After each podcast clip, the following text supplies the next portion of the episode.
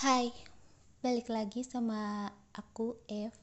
Seperti biasa, aku orangnya spontan, jadi aku uh, selalu ngomongin apa yang ada di kepala aku saat ini. Jadi tadi malam kan aku scroll scroll scroll scroll IG gitu kan uh, tentang hijrah dan kayaknya aku jadi ke terinspirasi gitu. Sebenarnya bukan bukan orang lain yang membuat kita tuh sedih dan menderita. Tapi emang diri kita sendiri. Diri kita sering males. Kalau kita males di masa muda berarti kita harus siap-siap dengan air mata kita di masa depan. Lebih baik tuh kita sakit-sakit hari ini, capek-capek hari ini, tapi terus menikmatinya nanti uh, saat keberhasilan kita. Dan soal hubungan asmara.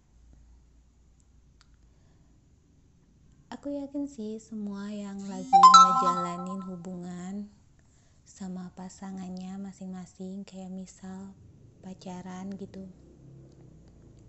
pasti pingin endingnya tuh yang baik-baik kayak nikah gitu. Terus kenapa yang abis pacaran terus ujungnya nikah tapi udah hanya ada yang berantakan itu mungkin karena kita bisa ambil pelajaran tuh.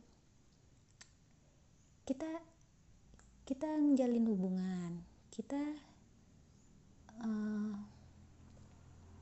tujuannya juga baik pinginnya yang baik-baik kayak nikah gitu.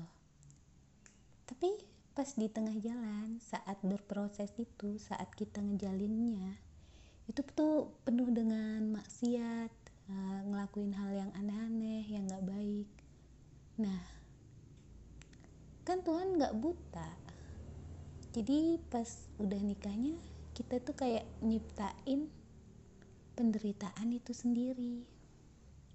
Kan Allah udah kasih uh, apa panduannya dilarang mendekati zina atau yang semacamnya jadi kalau misalnya orang-orang yang nikah itu menderita itu ya karena kesalahan mereka sendiri bukan kesalahan pasangan mereka.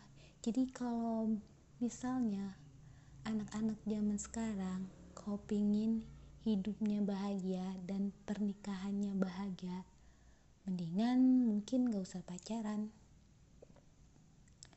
Kita mendekatkan diri aja sama yang di atas. Terus kita alihin aja rasa cinta rasa keinginan untuk apa ya pacaran itu ke hal yang positif aja. Kayak kita uh, excited ke itu aja ke cita-cita kita. Kita pingin ngeraih kesuksesan kita pingin nyenengin orang tua kita kita pengen nyenengin diri sendiri aja dulu. Kenapa juga kita tuh sakit-sakit karena cinta?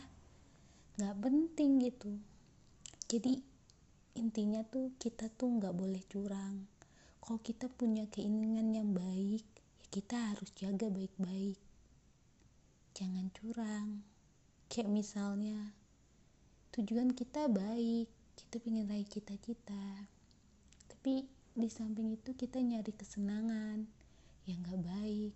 Terus gimana coba? Tuhan mau dengerin semua yang kita inginin. Aku sih mikirnya ke situ. Dan makasih udah mau dengerin lagi. Bye